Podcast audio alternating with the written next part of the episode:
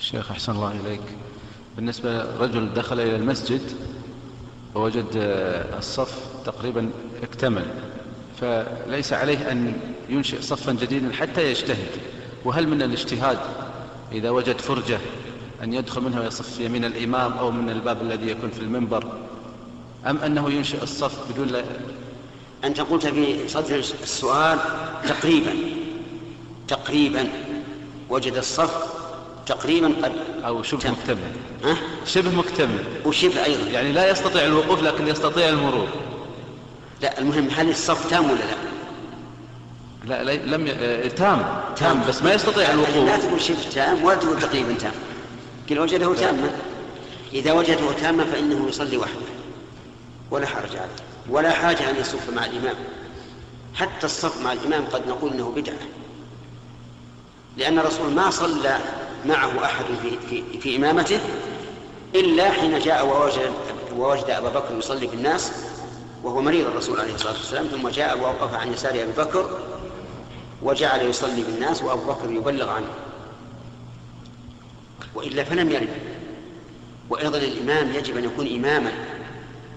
إمام يعني قدوة خاص بمكانه ثم إننا إذا قلنا اذهب آه، ادخل اخترق الصف وكن مع الإمام. اخترق الصف يؤذي. ولهذا قال النبي للرجل الذي كان يخترق الصفوف يوم الجمعة قال اجلس فقد أذيت. ثم إذا قلنا نتحمل هذا وجاء وصار مع الإمام وجاء آخر بعد أن دخل هذا مع الإمام وجد الصف تام وقلنا اذهب مع الإمام. ذهب مع الإمام.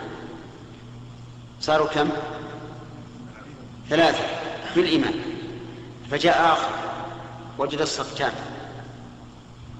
قلنا له تقدم صر مع الإمام ربما يكمل الصف الأول كله مع الإمام لكن لو أنه يعني دخل في الصلاة في مكانه ثم جاء الثاني والثالث والرابع كونوا صفا متأخرا. فالذي نرى أنه يصلي وحده لتعذر وجود مكان مناسب. ثم يقول أتدرون عن خلاف العلماء في هذه المسألة؟ العلماء كل المذاهب الثلاثة مالك والشافعي وأبي حنيفة كلهم يرون جواز الصلاة خلف الصف بدون عذر. والإمام أحمد عنه في هذا روايتان.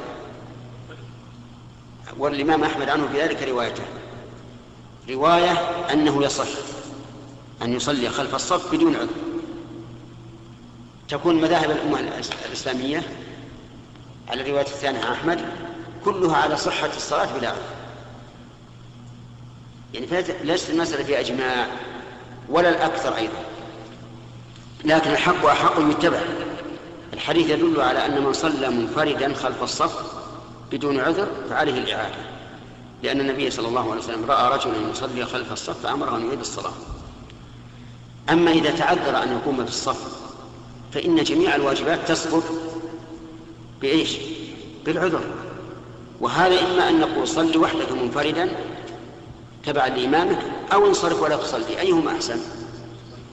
أن يصلي معه منفردا خير من أن ينصرف ولا يصلي فالصواب الذي اختاره شيخ الإسلام ابن تيمية رحمه الله وشيخنا عبد الرحمن بن سعدي أنه إذا كان الصف كاملا فلك أن تصلي وحدك مع الإمام يعني خلف الصف.